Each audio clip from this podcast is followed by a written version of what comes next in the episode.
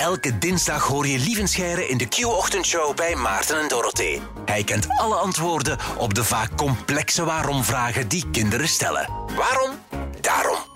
Mijn zoon Leon, vier jaar, stelt op het eerste gehoor een vrij simpele waarom-vraag. Maar als ik een poging doe om te antwoorden, kom ik niet verder dan daarom. Dus we hebben personeel aangenomen in de show om die vragen van mijn zoon te beantwoorden. En vandaag ga ik dat personeel nog eens uitlenen aan een andere hopeloze ouder. Lieve Scheire, goedemorgen. Een goedemorgen. Hey. Oh, de afkoelingsweek is eh, gisteren begonnen in het middelbaar onderwijs. Dan heb jij één kind dat uh, thuis onderwijs krijgt nu. We merken het aan het weer dat de afkoelingsweek uh, volop... Ah, oh, die mop hebben we gisteren echt maar een paar ah, die hebben we niet gemaakt. gemaakt. Echt waar? Is? Zeg, Ja, lap. Moet ik nu echt beginnen luisteren, heel dat programma luisteren, om te weten welke ja. moppen er al gemaakt Nee, zijn? maar ja, het is ook de mop deze week natuurlijk. Wie had dat kunnen denken, zo koud in de afkoelingsweek. Ja. Maar eh, jouw kinderen zijn, eh, zeg het nog eens, van bed weer vergeten. 12, 11 en 5. Ja, je hebt er dus eentje die los in de afkoelingsweek zit. En ehm, ik werd vanmorgen wakker terwijl die neuriënd op haar kamer haar taakjes aan het maken was. Kijk eens. Ah, dat Ja. is echt iets om naar uit te kijken, hè? dat die Een- kinderen groot worden. Een neuriënde dochter, ik kan dat iedereen aanraden. Ja, dat ik daar me een beetje warm van. En hoe is het met jou, lieve? Met mij is het goed, namelijk ik heb geen corona. Hoera! Ja! Ik had eh, een hoestje eind vorige week en eh, een ho- hoestjes zijn onrustwekkender dan vroeger. Ja, Dus ik ben direct eh, een test gaan halen en die was gelukkig negatief. je vraagt je dat af. Hè? Als wij binnenkort een hoesje hebben, als iedereen gevaccineerd is, de pandemie is voorbij, gaan we dan ook automatisch een maskertje opzetten? Wij gaan zeker bewuster omgaan met ziekte. En dan Ja. zeker met griep en verkoudheid gaan wij een stuk bewuster omgaan.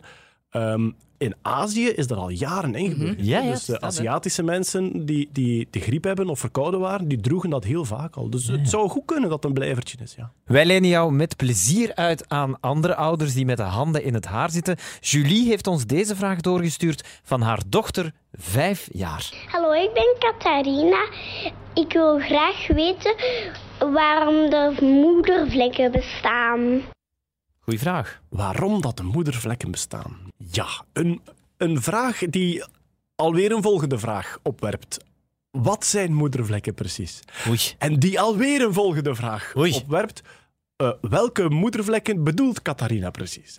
Enerzijds heb je die donkerbruine, je zou kunnen zeggen grote sproeten die een beetje bol staan. Ja. Ja. Wij zeiden vroeger een voelsproet. Ja, noemden ja. we dat. Toch een beetje de braille onder Ja, ja, de ja. sproeten. Moedervlek wordt ook soms gebruikt voor de wijnvlek. Dat is zo die rode vlek die Gorbachev op zijn hoofd had. Juist. Dat is technisch gezien geen moedervlek, maar vele mensen noemen het ook zo. We gaan het hebben over de voelsproet, Ja. de donkerbruine bobbel. Wat is dat precies? En eh, het spijt mij, maar nu komt er alweer een volgende vraag.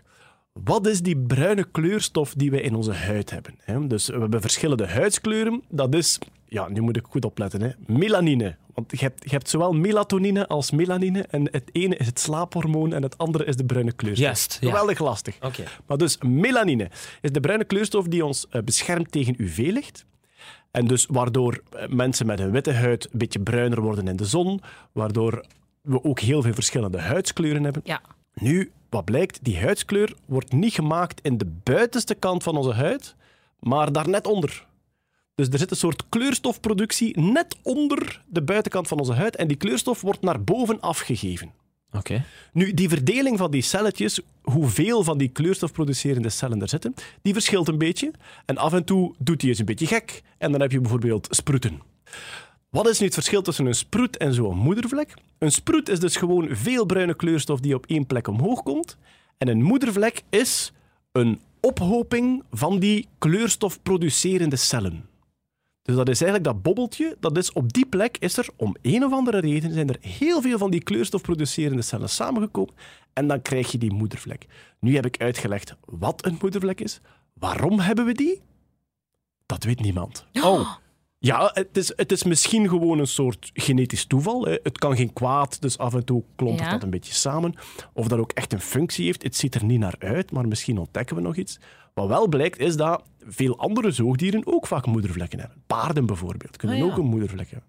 Wat mensen zich ook vaak afvragen is, is het gevaarlijk? Normaal gezien niet. Er zijn een paar factoren waarmee dat je beter eens naar de dokter gaat met een moedervlek. En dat is als ze breder wordt dan 6 mm breed. Ja? Als de randjes niet meer scherp zijn, dus als, als het zo geen mooie afgeronde cirkelvorm is, maar als daar zo wat, wat uitstulpingetjes, als het begint te lijken op een coronavirusje bijvoorbeeld, Ja. zo wat uitstulpingetjes en zo wat dingetjes, als ze niet meer symmetrisch is, Ja? of als ze van vorm verandert, hè, dus als je merkt van, tja, vorige maand zag die er nog anders uit.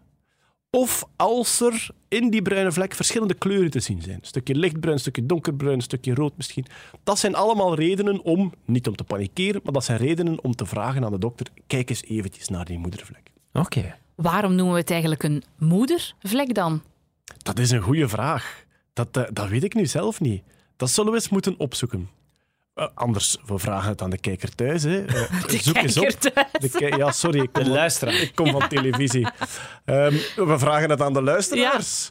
Eh, wie vindt als eerste de, de etymologie, de afkomst van het woord moedervlek? Ik denk Ja. dat iets te maken zal hebben met geboren worden en zo, denk Ja. ik. Hè? Waarschijnlijk. Dus, Ik wil graag weten waarom er moedervlekken bestaan. Ja, we weten dat ze ontstaan doordat er heel veel bruine kleurstof producerende celletjes samenhopen op één plek en daar een bobbeltje vormen. Of ze ook een reden hebben, dat weten we nog niet. dankjewel. Lieve Scheire, tot volgende week dinsdag. Met plezier. Dit was Waarom Daarom. Luister ook naar de andere afleveringen van deze podcast. Maarten en Dorothee hoor je elke ochtend van 6 tot 10 bij Q-Music.